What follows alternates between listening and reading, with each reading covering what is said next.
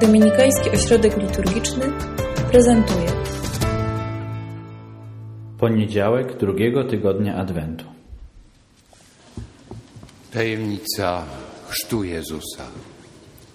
Tajemnicze wydarzenie. Ten, który ma chrzcić wody i Ducha Świętego, sam przychodzi do człowieka, przyjmuje chrzest. Jan się wzbrania. Dlaczego ty? Uczyń to, bo to sprawiedliwe. Dlaczego sprawiedliwe? Ten niewinny ma przyjąć chrzest nawrócenia? To bardzo dziwne i tajemnicze spotkanie.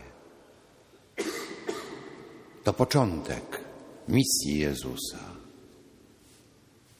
Może w tym początku możemy dostrzec jakąś tajemnicę, która będzie towarzyszyła całemu temu okresowi, gdy Jezus, krocząc po palestyńskiej ziemi, głosi królestwo, aż do dnia, gdy ukrzyżowany daje życie za przyjaciół, by zmartwychwstać.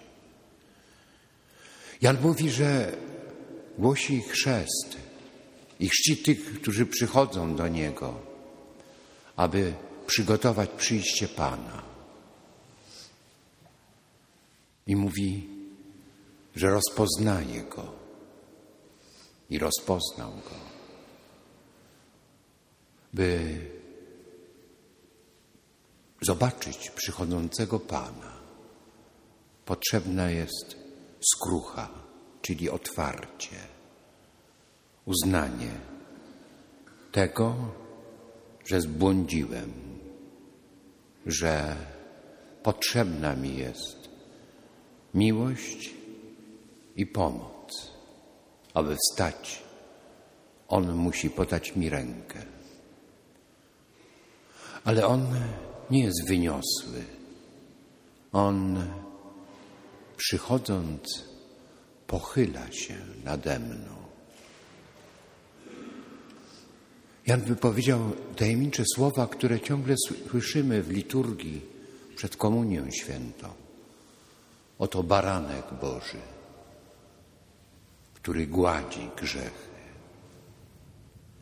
To słowo gładzi jest tajemnicze, bo znaczy zarówno znosi, unieważnia, jak i bierze na siebie. On nie czyni tego dekretem podpisanym przez najwyższe władze. To nie jest akt amnestii. On przychodzi i bierze na siebie nasz grzech.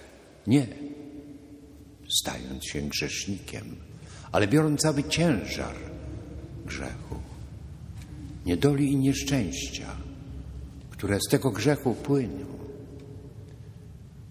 staje się, wyraźnie mówi, jednym z nas, bratem,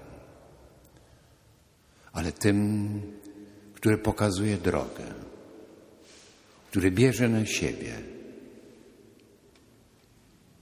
naszą niedolę, nasze cierpienie, nasze pokręcone jakże często życie, by prostować ścieżki, by ukazać drogę, by dać nowe życie. Prowadząc do Boga Ojca, staje po naszej stronie, nasz brat. Będziemy słuchali Jego słów. Te tajemnice różańca, które będziemy w najbliższym czasie rozważali, to tajemnice światła.